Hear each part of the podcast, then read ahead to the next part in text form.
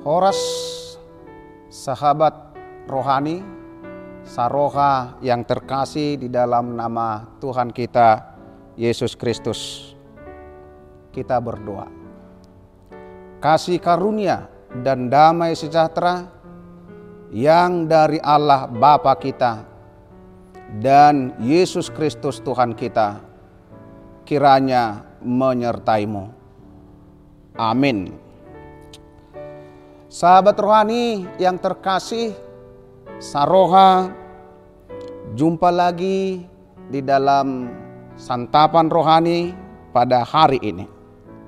Firman Tuhan menjadi renungan bagi kita hari ini tertulis di dalam Yesaya pasal 57 ayat yang ke-20 demikian bunyi firman Tuhan. Tetapi orang-orang fasik adalah seperti laut yang berombak-ombak, sebab tidak dapat tenang, dan arusnya menimbulkan sampah dan lumpur. Demikian bunyi firman Tuhan. Sahabat Saroha yang terkasih di dalam nama Tuhan kita Yesus Kristus, jika kita melihat realita kehidupan ini di satu pihak kita merasa melihat orang-orang jahat hidup dengan sejahtera, makmur, bahagia, senang, segala-galanya mereka punya. Kehidupan mereka sepertinya senang amat tidak ada yang susah. Mereka mendapatkan segala kebaikan, segala kesuksesan, sekalipun dengan berbuat jahat. Tetapi di pihak lain, orang-orang baik mengalami kehidupan yang tidak sehebat orang-orang jahat. Hidup biasa-biasa saja bahkan sering kesusahan dan tak pernah lepas dari kesulitan-kesulitan. Perasaan kita dan pertanyaan timbul di dalam jiwa, dalam diri kita. Mengapa ya orang jahat hidupnya senang? Mengapa ya orang jahat hidupnya bahagia? Nats renungan kita Yesaya 57 ayat 20 ini memberi jawaban yang pasti bagi kita hari ini. Tidak ada kebahagiaan bagi orang-orang jahat. Dalam firman ini disebut fasik. Hidupnya tidak pernah tenang.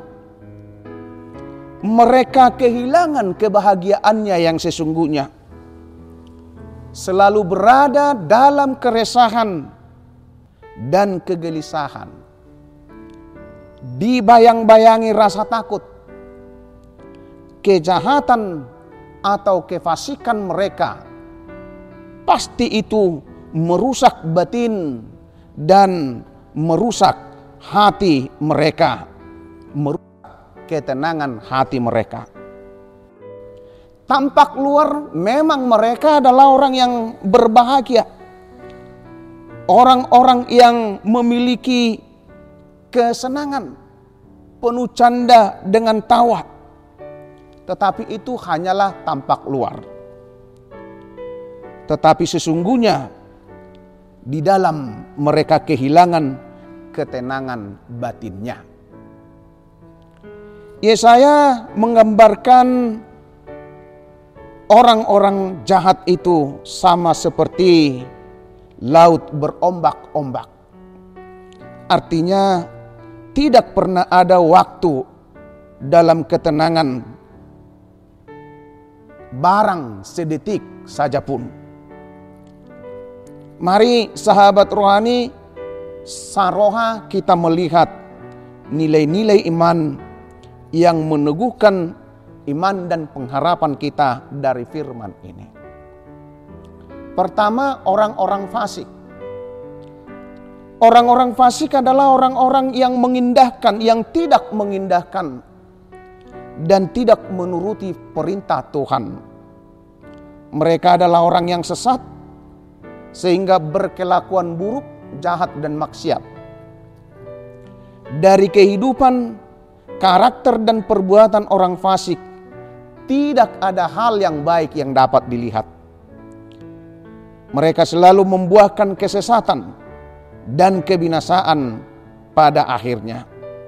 Nats ini menggambarkan sifat dan karakter orang fasik atau orang-orang jahat.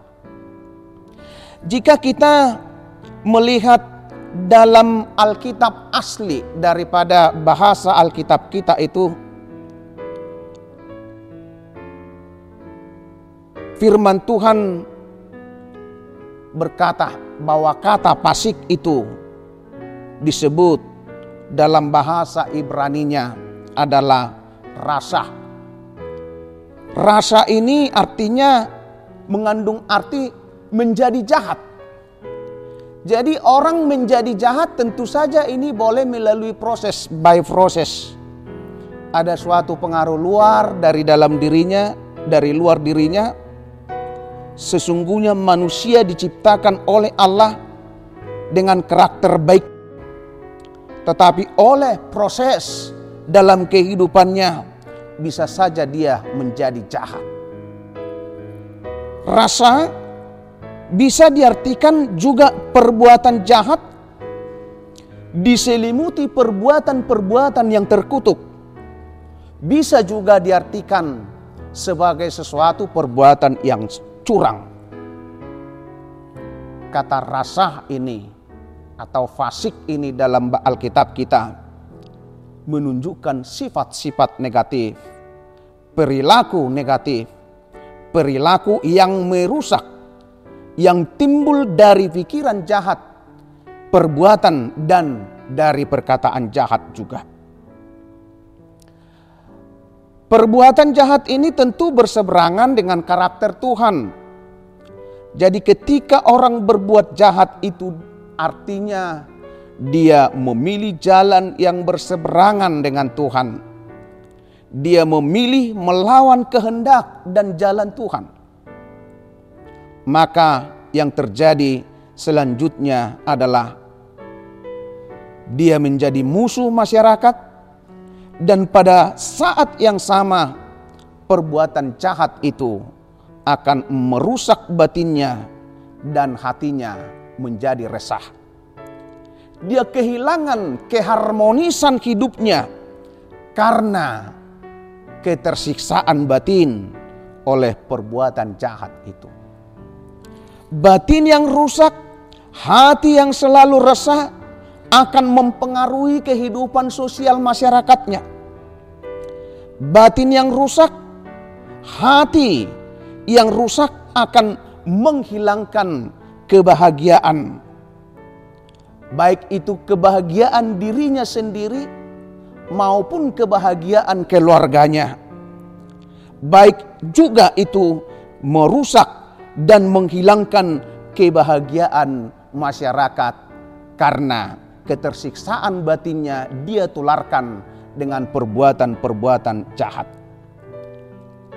Karena hati yang resah akan menciptakan keresahan kepada orang banyak.